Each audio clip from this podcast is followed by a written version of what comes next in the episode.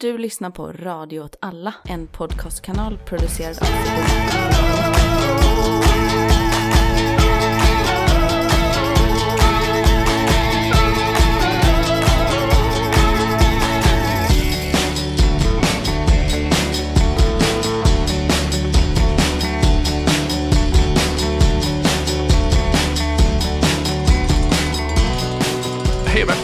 rörelse med mig Martin Hansson. Och med mig har jag vår mest återkommande gäst, eh, Sveriges ledande expert på stanländer ingen kan någonting om. Och eh, straight out of Tadzjikistan, Volodja.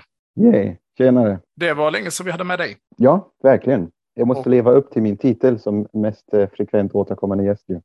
Ja, det är du ju verkligen med hästlängder. Jag försökte få tag på det för jag ville prata om de senaste händelserna i Ryssland. Då tänkte jag att du kanske var så här i Tyskland eller någon annan sån kosmopolitisk resa som du håller på med. Men då kunde du inte för att du var i Tadzjikistan. Ja, eller jag var i ett grannland som har ännu hårdare block på olika internetgrejer och VPN och så, så jag har haft lite svårt att vara online. Men eh, nu är jag lite mer online igen, så jag har också missat lite grejer som har hänt och bara försöka hinna ikapp nu eh, senaste två dagarna. Vad gör du i Tadzjikistan? Ja, jag håller på med ett annat projekt som jag inte ska gå in i så mycket. Okej, du gör eh, CIA-business i Tadzjikistan då får man anta. Ja, det, det är lite tråkigare än så, men eh, ja visst, de som vill får gärna tro det. Precis, det passar med din eh, persona. Ja. Vill du berätta lite eh, kortfattat om de senaste händelserna i Tadzjikistan och Kirgizistan? För det har vi pratat om i förra poddavsnittet. Just det. Ja, nej, men även det är ju då lite grann, eh, eller inte missat, men jag har haft svårt att riktigt gå eh, in i det på djupet. Men de har ju skjutit på varandra och det har ju varit lite aktuellt eh, även utan internetuppkoppling att det har varit ganska påtagligt och närvarande för folk har pratat om det här som jag har träffat och eh, det var ju nu, vad var det nu för någon vecka sedan kanske va? Eh, beroende på när det här kommer ut också. Men eh, då sköt de på varandra i två, tre dagar och det var mer akut och fler dödsoffer än vad det har varit tidigare. För att det är inte första gången att en sån här gränskonflikt bryter ut längs den här gränsen, men den här var nog allvarligast så att säga. Så det är lite oroväckande att det håller på att eskalera lite, de här regelbundna kon- alltså, beskjutningarna. Ja, precis. Det har varit mer våldsamt än det varit tidigare och det har skördat fler dödsoffer än vad det gjort eh, tidigare. Är det någon av sidorna som har lyckats eh, ta mark? Nej, inte vad jag förstår. Eh, Det är lite suddigt för mig med också och eh, jag är inte helt hundra på om, eh, jag tror inte att det att eh, gränser har förflyttats så utan de är, förblir väl lite odefinierade vilket är lite grann utgångsproblematiken här också eh, för varför sånt uppstår. Att det är lite o, vad heter det, undelineated eller vad det heter på svenska, gränser. Odefinierade. arv. Ja, precis. Från, ja, och dessutom är de väldigt knepiga med olika enklaver och exklaver på olika sidor av de här tre gränserna faktiskt i Ver- Ferganadalen, alltså Uzbekistan, Tadzjikistan och Kirgizistan. Där folk bor eh, inuti varandras länder i små, små öar. Och så när folk går runt med sina djur och på betesmark så kan det vara så att de vandrar in i det andra landet och så börjar det, så utbryter det kanske först slagsmål eller så är små oroligheter mellan bybor och så blir gränsvakterna indragna och som sen mobiliserar större vapen och militären. Och nu sist så var det ju inklusive drönare som man använde och sköt på varandra med. Så det var ju ändå på nivån liksom nationalstat eh, mot nationalstat och inte bara gränsvakterna utan militären, militären som sådan, vilket väl också gjorde att det blev mer dödligt. Ja, nu när det här avsnittet spelas in så är det måndag den 26 september. Så att vi vet ju inte riktigt vad som har hänt i världen när ni lyssnar på det här, för jag tror att det här kommer släppas om lite mer än en vecka. Då, jag eh, tänker ju spontant eh, Tadzjikistan. Nu är det ju långt här emellan, men märker du av någonting av händelserna i Iran, eller liksom pratas det om det? Nej, inte så mycket det faktiskt. Det har jag bara själv också tagit emot via sociala medier och grejer nu i nyheter. Det är inte så aktuellt här, även om de ju, eh, som vissa kanske vet, de pratar ju lite samma språk, eller tillräckligt nära språk för att kunna kommunicera med varandra. Men eh, det har inte varit så närvarande vad jag har märkt.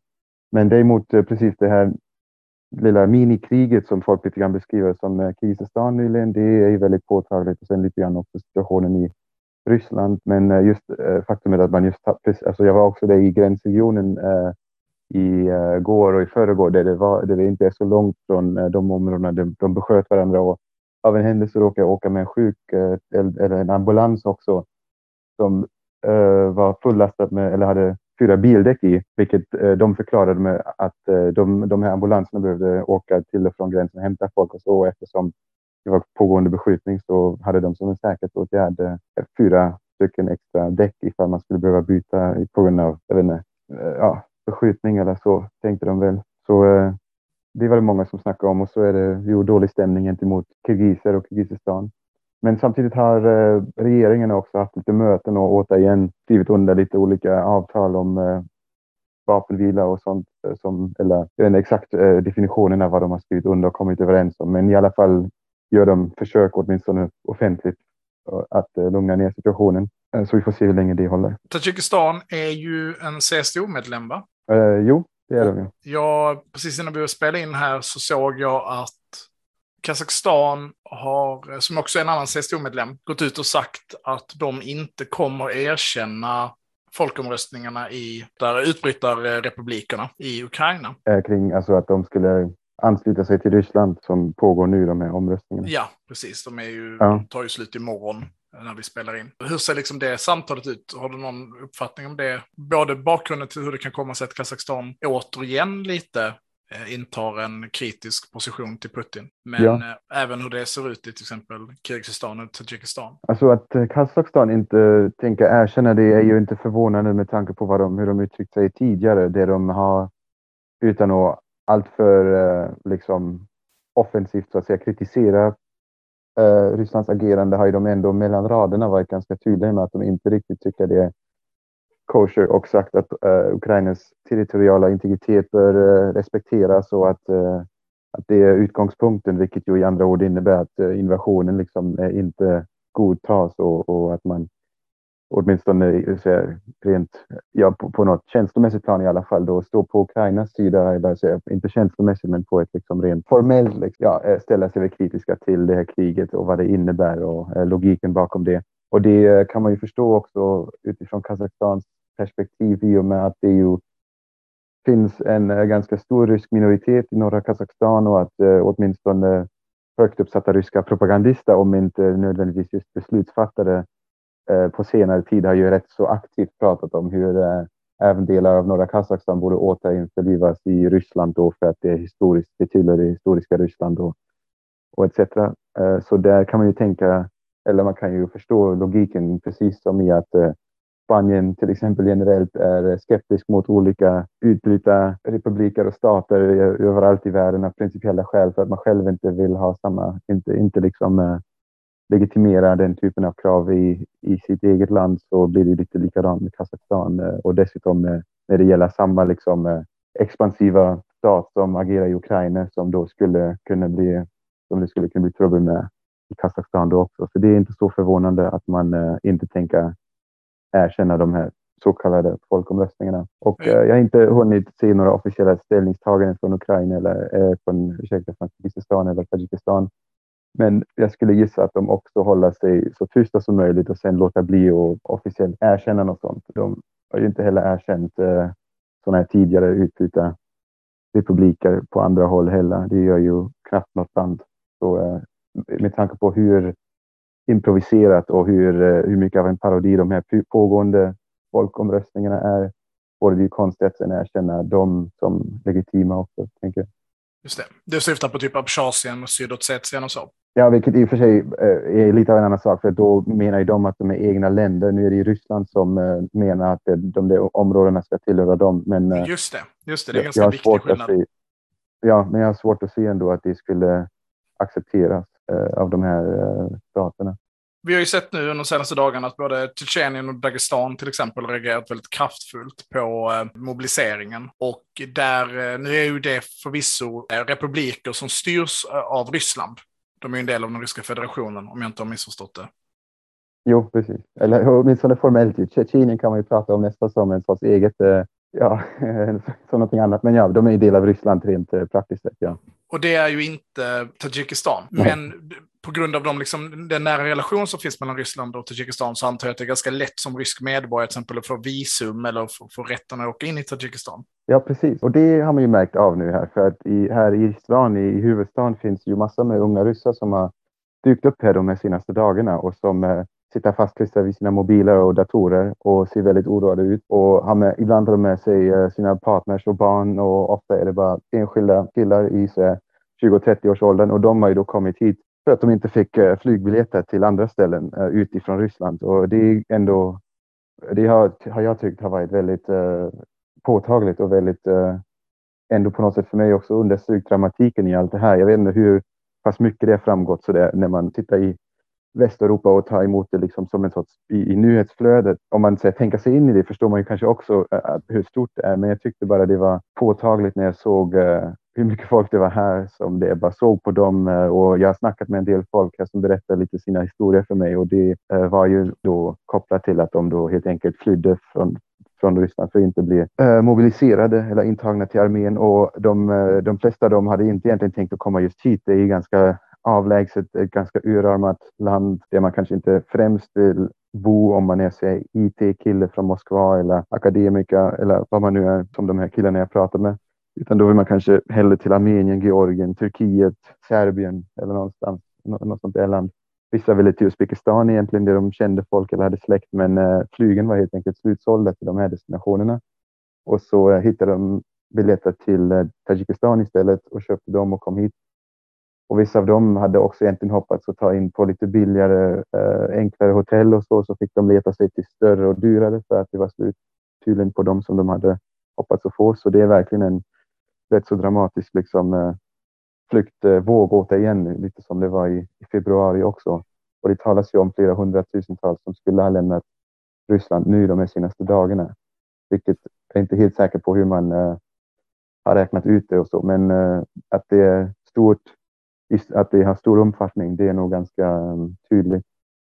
Ja, har ju de här senaste dagarna har kunnat följa uh, flyktingströmmar, ser det ut som.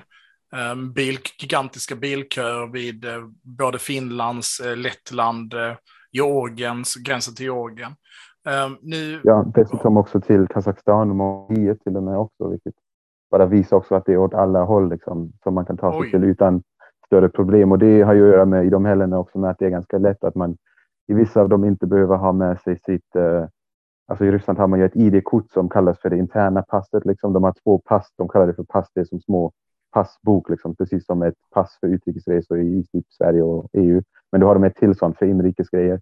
Och till vissa av länderna kan man ju åka till med bara det här inrikespasset, alltså det här ID-kortet och sen för att komma till eh, andra länder behöver man då det utrikes som inte alla har. Men eh, om man nu verkligen bara fått panik och är oförberedd och bara vill köpa en biljett någonstans ut och inte hinna fixa ett utrikespass eller så, så, kan man, så är det ju liksom lättare att komma då till exempel hit och ja. sen se därifrån hur man ska göra vidare.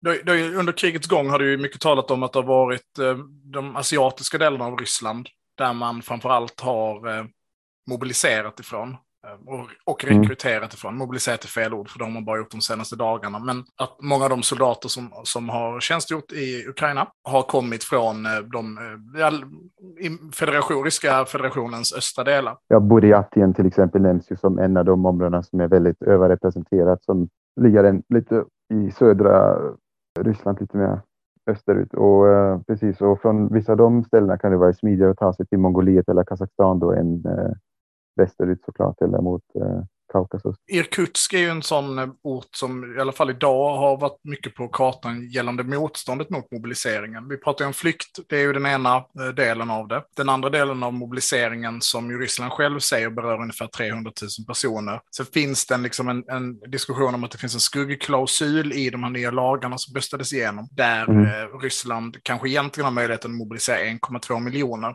Jag kan kommentera mobiliseringen och vilka krigseffekter jag tror att det har. Men det som är Irkutsk Lutsk mm. har varit eh, aktuell i, i, i, dagarna på sociala medier. Både på grund av att en eh, ansvarig för eh, rekryteringsmyndigheten, kan man säga, blev ihjälskjuten under ett en, en genomgång. Ja, har han dött nu? Eller jag såg sist jag såg var han i kritisk tillstånd i sjukhuset, men han kanske av... Det, det ska jag inte säga, men han blev, han blev skjuten på en halv meters håll med ett avslaget hagelgevär. Jag skulle ja. säga att hans chanser att överleva är ganska små. Men det ska jag hålla Nej, osagt. Det, ja. Det vet jag faktiskt inte. Och det andra var... Nej, det var ju stort på, på alla telegramkanaler, så oavsett liksom, det var ju rätt, eh, ja precis, en ganska dramatisk exempel på någon enskild person i alla fall som eh, gjorde motstånd på det där rätt så extrema sättet. Då, ja. Och sen har en film cirkulerat där ett rekryteringskontor blivit eh, nedbränt under väldigt eh, lugna former av någon som verkar vara väldigt motiverad att se till att det här, eh, och det ska också vara Irkutsk. Ja, jag har sett sammanställningar också där folk hade menat, jag vet inte baserat på, på vilka uppgifter, men det man menar att det hade skett en stor ökning av den typen av attacker som ju skett i och för sig sen i, i sen februari, men eh, att de hade då eskalerat nu i antal bara de senaste tre, fyra dagarna. Ja, och jag tänker att det kan vara värt för oss att, att, att prata lite om. Det, det, finns ju lite olika narrativ, som, eller olika berättelser som berättas om, om kriget, om ryssarnas inställning. Det finns ju en linje som är ganska högljudd, som pekar ut att eh, det här är liksom alla ryssars krig. Eh, ryssarna är, är positiva till det här kriget och eh, det är först nu vi egentligen ser motstånd mot kriget eftersom att det nu har börjat påverka dem negativt. Och underförstått då så eh, ligger det ju det i linje med till exempel eh, om det var Lettlands eh, premiärminister som gick ut och sa att de inte tänkte ta emot ryska alltså desertörer. Ja, liksom desertörer. Rys, vägrade. Ja. Ryska vapenvägrare. Ja. Om du vill bara kommentera motståndet mot eh, kriget i sin helhet under de här nu eh, sju månaderna som kriget har pågått. Ja, det är ju ett väldigt spännande ämne som jag också önskar jag hade egentligen haft tid att ägna mer eh, energi och tid åt och, och studera mer djupgående för att det är ju precis, det är väldigt spännande det, det motståndet som ändå finns eh, som är organiserat och eh, radikalt och militant eh, från bland annat anarkistisk håll har ju innefattat då att man bränt ner eh, rekryteringskontor, saboterat järnvägar, precis som man gjort mycket i, Belarus också, har ju skett inuti uh, Ryssland också med lite mer eller mindre organiserade anarkistfalanger bland annat som har, har tagit på sig ansvaret för det och uppmanat andra att delta i det. Sen finns det väl också enskilda liksom, uh, individer, så det är oklart huruvida de tillhör något, någon, någon sorts politisk organisering eller inte. Så eh, för mig är det inte heller helt eh, tydligt, eh, eller jag tycker det är svårt att riktigt ge en bedömning av eh, liksom var det mest kommer ifrån, vilka miljöer och, och vilken motivation de enskilda liksom, eh, gärningspersonerna har rent politiskt sett. Men att faktumet att det eskalerar nu är ju oavsett är ju väldigt uh, intressant för att det är ju, ja precis, det är bara det är också en uppenbar liksom, möjlighet till att artikulera och koppla ihop liksom, eh, en form av eh, militant motstånd som kanske är mer marginell i samhället rent politiskt, alltså som de här anarkistgrupperna som kanske inte är jätte, inga stora massrörelser direkt liksom, eh, men nu när det ändå börjar påverka stora delar av befolkningen så finns det en intressant liksom, ett potential där som det gäller att hålla koll på. Som jag är väldigt nyfiken kring hur det kan framöver liksom, spela ut sig. Sen, jag tänker att vi kan också hade, eller du nämnde det lite kort precis med, med, med Dagestan bland annat, att det har kommit videos på ett annat, en annan form av motstånd också som eh, jag tänker socialt och politiskt inte har riktigt samma bakgrund, men där det uppstod eh, demonstrationer och vägblockader och slagsmål mellan eh, civilister och, och poliser i i Dagestan i uh, norra Kaukasus, där vid Kaspiska havet, som uh, var rätt dramatiska också, där säkerhetsstyrkor sen uh, eh, bland annat sköt i luften för att skingra folk, vilket är en ganska, ja, ändå en ganska allvarlig liksom, eskalering av vad man annars inte, eller vad som inte vanligtvis ingår en, en del av landet där man, som man inte förknippar med den vanliga berättelsen om politisk motstånd och protest i Ryssland, som ju annars mer förknippas med etniska ryssar i storstäder som är politiskt aktiva och medvetna som protesterar lite så som man är van vid i, i Västeuropa till exempel.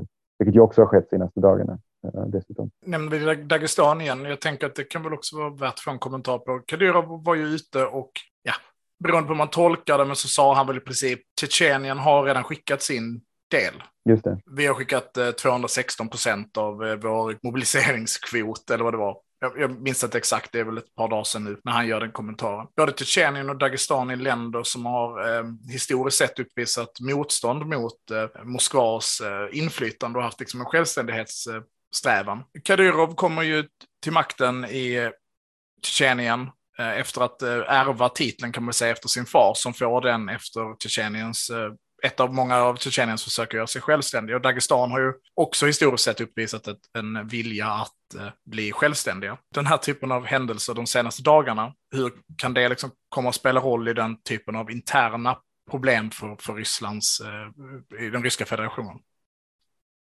Ja, precis. Det är en väldigt intressant fråga också. Att, eh, i, alltså Tjetjenien är det mest extrema exemplet inuti Ryssland där man i princip har gett eh, liksom, en krigsherre liksom, eh, utrymme att göra mer eller mindre som man vill inuti sin lilla delrepublik i utbyte mot eh, fanatisk lojalitet mot Kreml och bland annat då den här, även i, Ukraina-frågan, att jo, Kadyrov har varit en av de liksom, mest eh, fökiga hökarna eh, och mest liksom, eh, tokiga prokrigsrösterna i, i den ryska så att säga, debatten eller offentligheten. Precis, det är ju väldigt eh, känsligt och potentiellt eh, instabilt när man har ett sådant upplägg där det eh, också finns ganska stor eh, oberoende redan, men på något sätt inuti ett system där eh, också en lojalitet eh, eller där det ingår en sorts eh, ett avtal där man har ett liksom utbyte av extrem lojalitet på ett sätt mot eh, frihand internt eh, som ju då kommer kanske lite grann i konflikt men när man centralt då börja mobilisera och dra in folk även från de regionerna till det här kriget som, som man i Moskva tyckte var en bra idé. Så eh, ja, det känns eh, som, eh, ja men dels är jag inte expert på norra Kaukasus, det är nästan liksom tillräckligt många egna, eller det är liksom så många egna dynamiker där som det är bra att vara insatt i för att förstå och kunna försöka prognostisera vart det kan leda på ett lite mer detaljerat plan. Men generellt kan man väl säga att det som sker där är ju, kan ju ge lite av en fingervisning om eh, vad som är riskerna med den här mobiliseringen och det här, eh, den här eskalationen av kriget nu som, de, som Putin har bestämt sig för och som den här mobiliseringen liksom, eh, representerar. Där det även i andra delrepubliker väl kan eh, tänkas uppstå en konflikt mellan eh, de här lokala nätverken och strukturerna av lojalitet som man då har mellan de här lokala liksom starka männen eh, gentemot sina liksom, supporterkrets och alla sina nätverk av eh, ja, vad heter det, patronage networks, alltså alla sina, ens egna liksom, eh, lojalister och, och så vidare och för att försöka ha någon sorts legitimitet och makt lokalt och sen deras gentemot liksom, centralmakten och Kreml. Att det Eh, kan ju relativt snabbt tänkas och eh, utveckla nya dynamiker som inte är till fördel för liksom federationens sammanhållning. Så det, eh, jag, är inte, jag har kanske inte så mycket mer eh, heta takes att komma med kring vart det är på väg, men det är definitivt någonting man vill titta på för att följa och se hur det utvecklar sig. Och jag tänker en av anledningarna till att man har väntat så länge och kanske helt orimligt länge utifrån ett militärt perspektiv, med tanke om man nu tänka vinna det kriget i Ukraina. Med den här mobiliseringen har ju att göra med också att man kanske har insett att det innebär en massa med risker i bland annat sådana där lite eh, perifera, perifera eller eh, ja, eh, sådana här områden där det finns risk eller potential för, för ja, opinion och, och sånt för mer självständighet eller avståndstagande från de här centrala besluten. Vi har ju tidigare i podden diskuterat faran med mobilisering och varför Putin har valt att eh, undvika det. Och det finns ju flera anledningar till det. Det finns både militära, men framförallt så finns det ju politiska. Då har ju vi hela tiden pratat om att det finns en risk för liksom, folkopinionen på något sätt. Att det är det som Putin kanske har varit orolig för. För några dagar sedan så läste jag en analys som istället menade att anledningen till att han undviker det här är för att detta i grund och botten handlar om en intern konflikt i, vad säger man, toppen av Ryssland. Jeltsin satte ju Putin till makten i Ryssland. Putin själv kommer ju från, eh, från eh, KGB och senare då FSB. Och att i, liksom, i toppen av den ryska maskinen så finns det liksom två sfärer kan man säga, två, två större politiska sfärer. Den ena sidan är då FSB, alltså underrättelsetjänsten, den civila underrättelsetjänsten ska sägas, och på andra sidan så finns militären. Och Putin är en balanserande faktor mellan dem, en person som, som håller båda de här grupperna stångna, men att det finns en intern politisk konflikt i Ryssland kopplat till de här grupperna. Militären har under lång tid velat eh, få igenom den här mobiliseringen och drivit på att kriget ska hända, medan FSB har eh, varit eh, betydligt mer kritiska både till kriget i sig och till, till, alltså, till eventuell mobilisering. Militären har Mm. slutligen lyckats driva igenom mobiliseringen och om den då misslyckas, så, och det är det här då Putin eventuellt är rädd för, att om mobiliseringen misslyckas på det sättet att kriget liksom, det går inte bättre, då är risken å ena sidan att militären vill eskalera konflikten ännu mer för att liksom på något sätt få tillbaka den förlorade prestige det innebär, eller att FSB säger att Putin inte liksom längre är i skick att leda eftersom att han satsade på mobiliseringen. Jag vet inte om du liksom har hört de här teorierna eller de här liksom maktkamperna, men skulle du vilja kommentera liksom den förståelsen och det perspektivet på konflikten i toppen av Ryssland? Just det, ja men jag tänker, jag har kanske hört eh, en, en version av samma analys eh, eller jag, jag kan liksom eh, tycka att det finns någonting i en, en lite, en lite så ja, eh, liknande liksom, eh, uppfattning av vad som har pågått där. Eh, det som jag tycker är intressant med den så där, approachen och den, det eh, sättet att se på saken är ju kanske, eller det man väl kan konstatera, det man har sett är väl ett, ett, liksom en balansgång mellan lite olika sätt att hantera den här typen av eh, konflikt där man har länge kört en uh, approach som lite mer uh, går ut på liksom lite halvdolda opera uh, operationer, liksom så operations, alltså det det ska vara så här, Eh, mycket oklarhet, mycket mystik, eh, mycket som går att bestrida, så eh, att man verkar i skuggorna och att det görs, så det, saker sköts snyggt med lite klandestina metoder som att man skickar folk utan ja, alltså att man skickar folk utan att erkänna att det är ens militär, att man använder sig av alla möjliga så lite hybridaktiga metoder. Ja, precis. Ska vi säga det här ordet nu? Vi bara säger hybridkrig, ja, är det det du... Precis, men då, då rent eh, semantiskt kanske närmar vi oss det här lite mer konventionella igen. Ja, det jag försöker bara få fram är lite grann en skillnad mellan någon sorts mer konventionell krigsföring, där man skickar stora arméer med stridsvagnar och flygplan och bombar ett annat land och sen det här lite mer eh, ja, eh, verkandet i det dolda, det man ju på något sätt ändå, eh, ja, det den här invasionen i februari ju ändå var eh, att man tog eh, ett rejält steg mer i riktning av konventionell krigsföring kanske. Eh, och då ytterligare har bestämt sig för att bara satsa på det och gräva ner sig i den grejen genom att bara också bara genomföra vad som kallas för en partiell eller del, alltså delvis mobilisering, men som verkar ändå likna en ganska omfattande mobilisering, kanske bara i olika faser eller steg.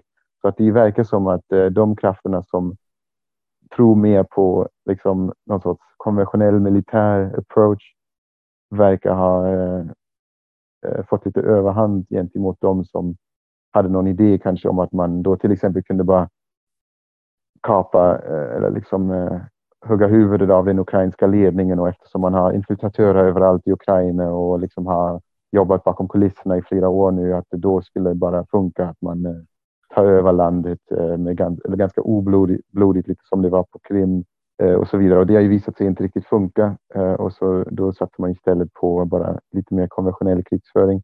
Det tycker jag i alla fall eh, är en lite, eh, ja, det beskriver en liknande dynamik där man nu har bestämt sig för att satsa ännu mer på, på det här mer öppna och officiella krigsförandet än vad man har kanske velat göra tidigare.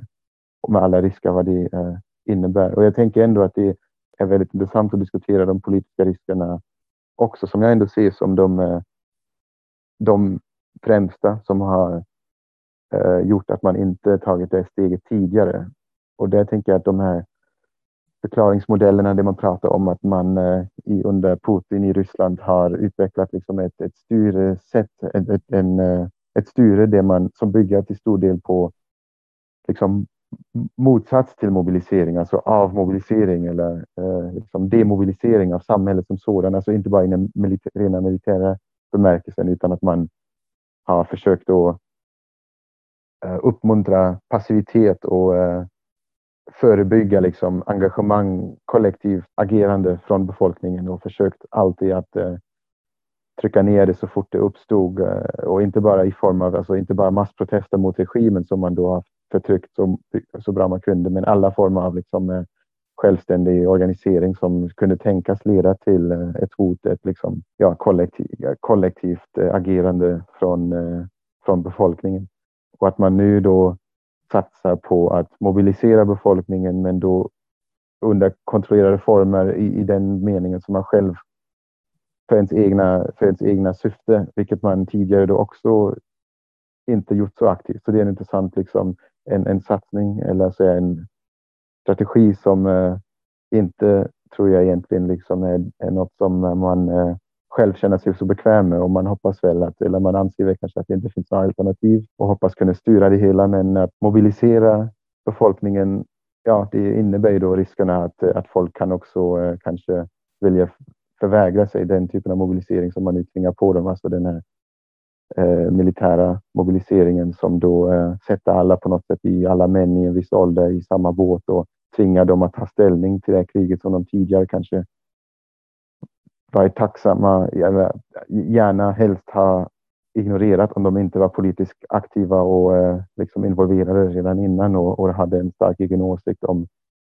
etiken i, den här, i det här angreppskriget. Liksom, att man nu då inte riktigt har något val längre än att eh, ta ställning och antingen gå med på det eller förvägra sig det och liksom eh, riskera fängelsestraff eller, eller liknande. Om det är Just det. säga. Ja, men precis. Jag tänker att det går att fortsätta på den, det, det spåret. Nu försöker ju Ryssland genomföra den här ganska omfattande mobiliseringen. Det är 300 000 personer som ska utbildas, transporteras, beväpnas och sen skickas in i en krigszon. Det finns många saker som talar för att den här mobiliseringen kommer att gå, vara svår att genomföra. Inte minst då efter, eftersom att i samband med kriget i Georgien, eh, framförallt i utvärderingen av kriget i Georgien, så sökte ju Ryssland reformera sin armé. Väldigt mycket i linje med det du beskriver. Alltså att kanske frångå det mest ryska av allt det ryska.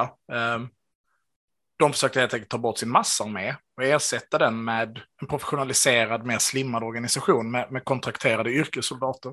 Det mötte ju massivt motstånd från den här jag vet inte vad man ska kalla det, junkerklassen i Ryssland. Alltså, alltså den liksom eh, militära Precis. Eh, man försöker ja, det var liksom... väldigt impopulärt, inte minst för att man också blev av med en massa människor som levde på att mm. det fanns den massarmén. Ja. Och man kanske, man började, efter att liksom ha demonterat den under ett par år, så försökte man liksom återskapa den på ganska kort tid. Men det är ju ungefär tio år sedan man demonterade den. Och att bygga upp det system som ju såklart var extremt skadat av Sovjetunionens kollaps. Det är ingenting du gör på tio år, utan det är en betydligt längre process än så. Och det tror jag man också kommer se nu att det saknas massa pusselbitar i det här liksom grandiosa mobiliseringssystem som jag ändå tänker att Ryssland och framförallt att omvärlden kanske har en bild av Ryssland att den innehar förmågan att göra. Mm. Ja, rent organisatorisk Eh, att det inte är så lätt som att bara trycka på en knapp och eh, så har man några hundratusen eller miljontals eh, soldater helt plötsligt som, eh, som man kan föreställa sig det hela. Ja. Nej, men precis. Och så har man den här idén om att, att eh, de ska vara utbildade och kunna göra någon, någon nytta Eh, till exempel. Ja. Vilket jag tror att eh, vi, de kommer upptäcka att de har ganska svårt att ha dem till. En annan association jag får till det här var ju i diskussionen efter mordet på Darja Dugina. Eh, en av de liksom konspirationsteorier som cirkulerade om vem som låg bakom mordförsöket på, eventuella mordförsöket på Alexander Dugan eller på att mordet var riktat mot dottern, var just en diskussion om att det var GRU som hade genomfört det. På grund av, alltså som en signal kopplat till Alexander Dugin eller då Duginas nära relation till FSB. Just det det, ja, jag vet, verkligen ett sidospår.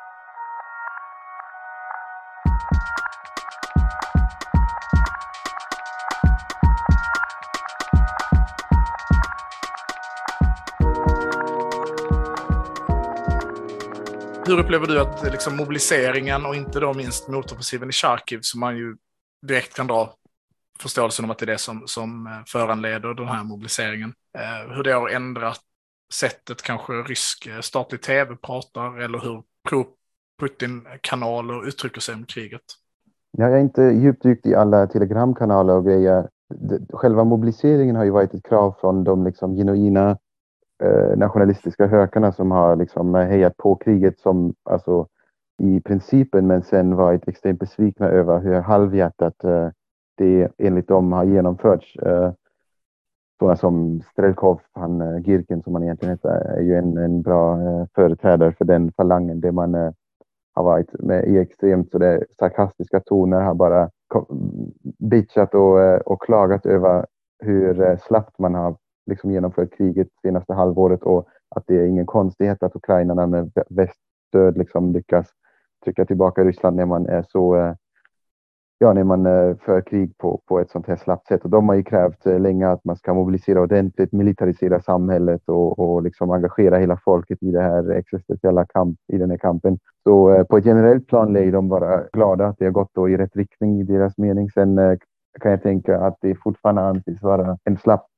ett slappt genomförande också av den mobilisering som man nu då har eh, satt igång som inte är liksom Eh, som man fortfarande då försöker förklara, alltså som fortfarande är någon sorts kompromisslösning, i alla fall officiellt det man talar om, alltså att det skulle vara en delvis sådan och så vidare. Själva den officiella tv-propagandan, jag vet inte, de har väl, nu har jag inte heller tittat på det, jag har inte hunnit det, men eh, de brukar ju ta några dagar, eh, att, alltså det brukar ta några dagar för dem att hitta sitt nya sin nya eh, rutin så att säga, där man förklarar eh, hur allting hänger ihop och logiken bakom allt.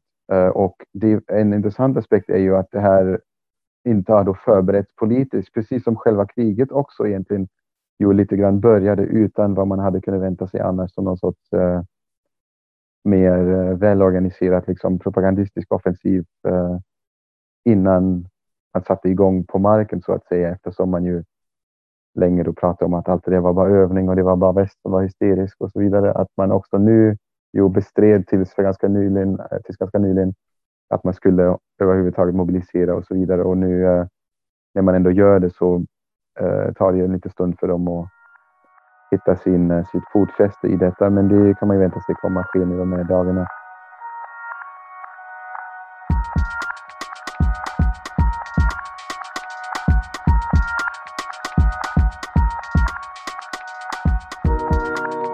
Hur går liksom mobiliseringen till rent eh, praktiskt? Ja, precis. Det, det tänker jag är en intressant um, aspekt också. Det, man fortfarande, man, man, det verkar fortfarande komma också en del motsägelsefulla uppgifter från olika håll i landet. Det man, gör, det man verkar göra på lite olika sätt och det man uh, försöker sen också backa från vissa saker man har implementerat.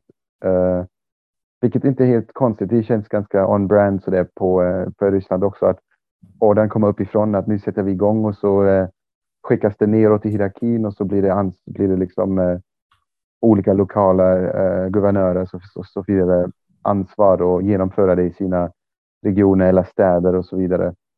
Eh, och ehm, då blir utfallet ofta lite olika, lite som när man till exempel genomför eh, eh, det regelbundna valfusket som görs i Ryssland när det ska bli val, att man liksom eh, det är lite som också kanske sidospår, men en så rolig grej med varför man överhuvudtaget har val i ett land som Ryssland, där resultatet redan står klart från början, är ju också att det har lite grann funktionen av en lojalitets och effektivitetstest, att man, man får en sorts utvärdering och kvitto på hur duktiga olika lokala makthavare är på att eh, omsätta liksom vad som krävs av dem. Och sådana som Kadyrov till exempel eh, levererar resultat i toppklass när 99 procent röstar på Putin och i andra områdena utifrån lokala förhållanden kanske får man eh, andra siffror eh, som är lite närmare eh, verkligheten och så. Men på lite samma sätt så sker det väl olika genomförs det här väl på lite olika sätt också lokalt på olika ställen och vad jag förstått så har man i till exempel Dagestan redan efter de här protesterna också försökt att nu säga att ja, men det, det har gått lite överstyrs här hos oss lokalt. Vi ska bara förtydliga för alla de här lokala inblandade vad som gäller de har missuppfattat lite grejer och som en, lite som en, en, en eftergift mot eh, för att försöka lugna ner de som, eh, eh, alltså när det visade sig att det kanske blev lite större folkligt motstånd än vad man är beredd att hantera eller väntade sig. Så att det är lite oklart ännu. Ehm, eller det är, det är fortfarande, bilden är inte helt klart vad jag förstår ännu hur det går till på olika håll. Men bortsett från den lite mer, alltså den här lite mer officiella och liksom numera uppifrån förordnade officiella mobiliseringen som då skett de här senaste dagarna så verkar det också upptrappats upp liksom en annan form av mobilisering eller in, vad heter det, incentivisering eh, för att få in mer eh, manpower i militären som är lite aktuell här för regionen. Det är alltså i Centralasien där det har kommit uppgifter om att man, eh, eller vad jag förstått, det är väl sagt officiellt nu någonstans från ryskt håll att man erbjuder medborgarskap för tjänstgöring för arbetsmigranter, varav det finns miljontals i Ryssland, framförallt från Uzbekistan, Tadzjikistan och Kirgizistan som jobbar i, i ryska städer i lågbetalda eh, manuella jobb på byggarbetsplatser och i serviceyrken och så. Eh, och att man då erbjuder medborgarskap för, för dem om de signar upp för kriget.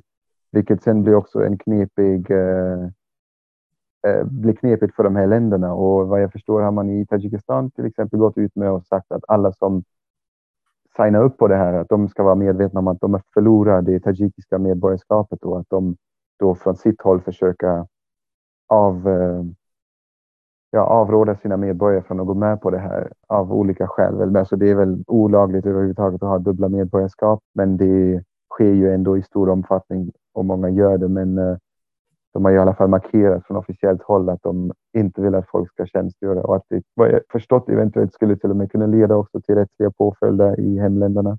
Just det, för de, och sen de det, nu, för ett annat land liksom.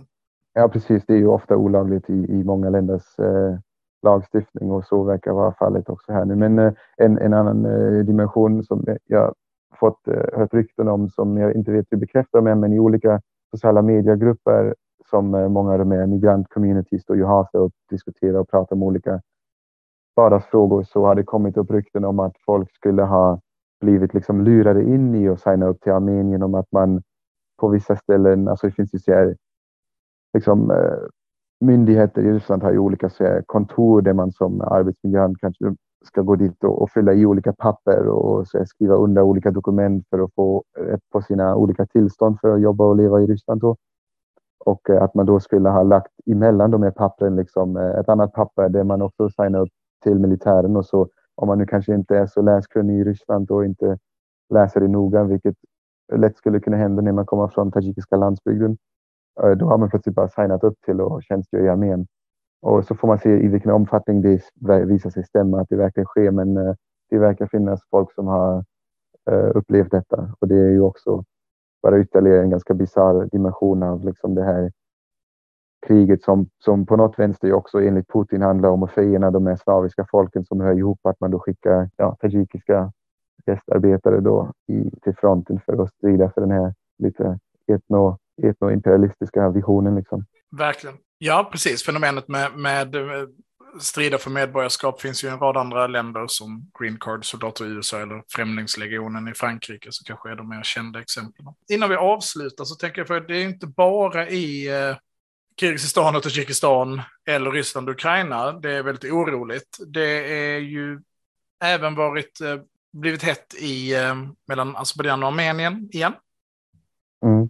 Och det finns lite olika förklaringsmodeller till varför det igen har skett. Eh, Azerbajdzjan själv hävdar ju att det har varit eh, provokationer från Armeniens sida. Jag skulle nog snarare finna det troligt att de har sett liksom möjligheten i både att den, liksom, den ryska maktsfären på något sätt också är hotad, att bilden av Ryssland som en militär supermakt är hotad i någon mening. Ja. Men också att det är liksom beroendet av eh, fossila energikällor som Europa har är så skriande att det finns ingen som kommer kritisera Aspadian. EU slöt ju nyligen Nej. ett avtal med, med Aspadian om att uh, dubblera uh, ja. uh, gasimporten från Aspadian och så vidare. Nej, precis. De har ju lite av en fri hand nu i alla fall vad gäller kritik och, och eventuella sanktioner och sånt från europeisk håll i nuläget. Men precis, det, det, är, precis, det är väldigt ändå intressant att allt det här sker då i, i kölvattnet för den här Kharkov-motoffensiven i, i Ukraina där, där Rysslands militärmakt bara ytterligare har demonstrerat och var mindre liksom, eh, slagkraftig än vad, vad bilden ändå varit länge. Och det, jag tänker det är ju å ena sidan viktigt att komma ihåg att det finns lokala dynamiker på de här olika platserna. Att, att Azerbajdzjan har liksom ett eget intresse och egna, egna um, eh, ja, mål och att det finns egna dynamiker av hur de kan vilja utnyttja olika tillfällen för att förbättra sin situation gentemot eh, Armenien och precis på samma sätt som det i mellan Tadzjikistan och Kirgizistan finns lokala dynamiker som leder till att det då och då liksom eh, bryter ut våldsamheter. Men det, så att det på ett sätt också eh, kan ju vara delvis lite slumpartat att det råkar sammanfalla och händer samtidigt. Men det är ändå väldigt svårt att inte se det lite grann i en större kontext där man ser att de här regionerna har legat på något sätt under ett, eh, under ett ryskt eh, ja, ska man säga, beskyddare liksom, i deras bakgård rent eh, praktiskt sett att de har haft ett ganska starkt säga, veto eller en, liksom, en, något att säga till om den typen av utvecklingar. Och det kanske har helt enkelt försvagats. Alltså det är ganska uppenbart att det har gjort det och att det, det därmed inte heller är så konstigt att den typen av eh, instabilitet nu kan tänkas också eh, öka i de här regionerna, vilket är ju precis ett, eh, på ett sätt ett rimligt men väldigt oroväckande för freden och stabiliteten i de här områdena.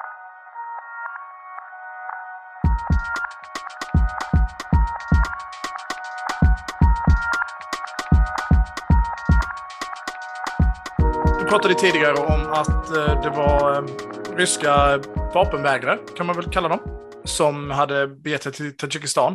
Eh, jag antar att det är unga män. Du beskrev också att de kanske var från storstadsregioner med relativt välbetalda arbete. Stämmer det? Ja. Är det liksom bilden av den generella vapenvägraren som, som du har träffat på? Ja, som jag har råkat ha träffat på nu senaste dagarna just här. Så jag vet inte, det är kanske inte helt representativt, men det är det ju å andra sidan också på ett sätt för att eh, det är inte vem som helst som kan packa ihop och lämna landet heller och hoppas och bygga ett nytt liv någon annanstans eller åtminstone klara några veckor eller månader utanför landet. Eh, utan det är ju kanske folk som eh, ser en möjlighet att försörja sig eh, åtminstone en tid utomlands också. Just det. Vad tal om att Ryssland har stängt gränsen för eh, män i vapenför ålder, så kanske man kan uttrycka det, och att Georgien eh, har haft ett väldigt eh, högt tryck både tänker jag att du gärna får kommentera vad, vad du tror möjligheterna för att liksom, hur, är, hur, hur tar ett land som Georgien med sin komplicerade historia till, till Ryssland, eh, hur, hur hanterar de att eh, ha stora, stor tillströmning av unga ryska män och vad tror du om deras liksom, förmåga att faktiskt stänga gränsen och vad det kommer att innebära rent eh, liksom, ekonomiskt och politiskt för Ryssland? Ja, precis. Georgien är ett intressant fall eftersom man ju på ett sätt eh, ligger i Eh, ja, har haft en ganska intensiv konflikt med Ryssland över de två regionerna Sydossetien och Abchazien som Ryssland i princip eh, eh, ja, ja, men delvis ockuperar eller liksom har hjälpt till sin lite halverkända självständighet beroende på hur man vill definiera det. Men samtidigt så har man ju en styrande makt som är samtidigt lite lustigt nog inom den kontexten är lite pro-rysk eller lite så i smyg lite pro-rysk och undvika att kritisera Ryssland för mycket för att inte eskalera den egna konflikten mer. Men den här gränsstängningen som är på tapeten är då precis, det är från ryskt håll då eventuellt att de skulle stänga sina egna gränser. Just vad gäller den georgiska gränsen hade ju kommit lite rykten och vittnesmål om att det är militära eller att det är FSB som ju vaktar den ryska gränsen. Det är deras ansvarsområde. Att de har flyttat dit lite mer Eh, militära enheter. De har ju liksom egna militära förband också eller liksom fordon och grejer som, eh, med, med soldater som är tungt beväpnade som skulle ha siktats eh, längs med de gränsövergångarna, vilket tolkas av vissa som förberedelse för att stänga de gränsövergångarna och då låsa in de som är kvar in i, i Ryssland. Och vad jag förstått, alltså när jag pratat med folk här som har lämnat nyligen så är rädslan bland en del av dem inte främst att de just skulle bli indragna nu direkt och skickas till fronten, utan det är oron över att gränsen kommer att stängas inom kort och att det sen är för sent eh, och att man vill ta sig innan dess. Och då främst männen då eftersom de i slutändan sen eh, kanske fruktar att bli indragna, men eh, ja, eller att bli inlåsta för att det kanske kommer att gälla just män att inte kunna lämna landet. Men så att själva det hotet som, som det ryktas mycket om nu leder ännu fler till att lämna, vilja lämna landet. Eh, och vad gäller liksom mottagandet av de här länderna så är det ju rätt olika. Alltså Georgien, från statligt håll är det väl eh, ännu inte så eh, eller det är väl det med att det finns en folklig opinion bland en stor del av Georgien som inte uppskattar alla ryssar som tar sig dit. Här i Centralasien tänker jag att det är ganska rustiga Här är man ju bland befolkningen ofta lite mer pro-rysk eftersom man kanske har jobbat mycket i Ryssland och upplevt Ryssland som liksom ett ett utvecklat och framgångsrikt land jämfört med det egna och, och se dem därför som eh, förebilder eller liksom se, som ja, se upp till eh, samhället och till den styrande makten där och så är det ganska mycket har ju den ryska propagandan och tv en stor närvaro här och, och stor förankring liksom i folks eller präglar folks värld, världsbild mycket. Samtidigt som man här är ganska öppen till också att det ska komma ryska så är vapenvägrare hit och bara för att man ser ganska stora ekonomiska fördelar med det, att det skulle komma en massa högutbildade ryssar som sen skulle eh, jobba och spendera pengar här. Det är också såklart lite dubbelt för att de driver upp priser på bostäder och allt vad det är. Men eh, på ett lite mer makroekonomiskt plan hoppas åtminstone många väl att det kan bli någon sorts boost till eh, de här länderna. Vilket i, i, i och för sig i sig självt också är en, eh, liksom en del av ironin i alla de här förändringar som sker i den här världsdelen där man i årtionden nu sedan Sovjets kollaps har haft eh, de här urarmade republikerna och folk som är utan framtidsperspektiv söker sig till Ryssland för att få tillgång till ett bättre liv. Och nu finns det någon sorts motsatt flyktrörelse eh, då utifrån det kriget som Putin har börjat, det är stora delar av dem som i Ryssland på något sätt hade lyckats, liksom, alltså ryssar som hade lyckats bygga sig ett hyfsat tryggt ekonomiskt, eh, ett liv liksom i, i ekonomisk trygghet och med framtidsutsikter. Nu däremot flyr fly till de här länderna som miljontals arbetsmigranter har lämnat för att ta sig till Ryssland. Så det är en intressant, så det är på ett mänskligt plan en eh, liksom, ja, intressant omvändning av, eh, av öden som folk står inför i de här regionerna.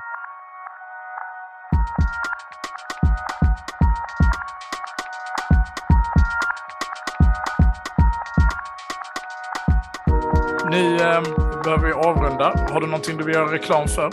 Nej, inte just nu tror jag. Det uh, nej. Okej. Okay. Då säger jag att man kan följa mig på sociala medier. Det heter jag Trojkan3037. Man kan följa dig på uh, sociala medier.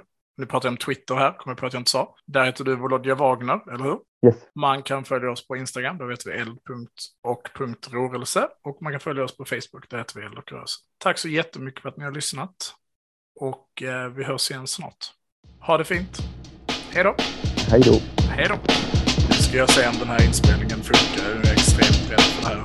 Ja, det kan vara så att vi bara har suttit och pratat med varandra. Det kan ju vara att jag bara har spelat in min egen röst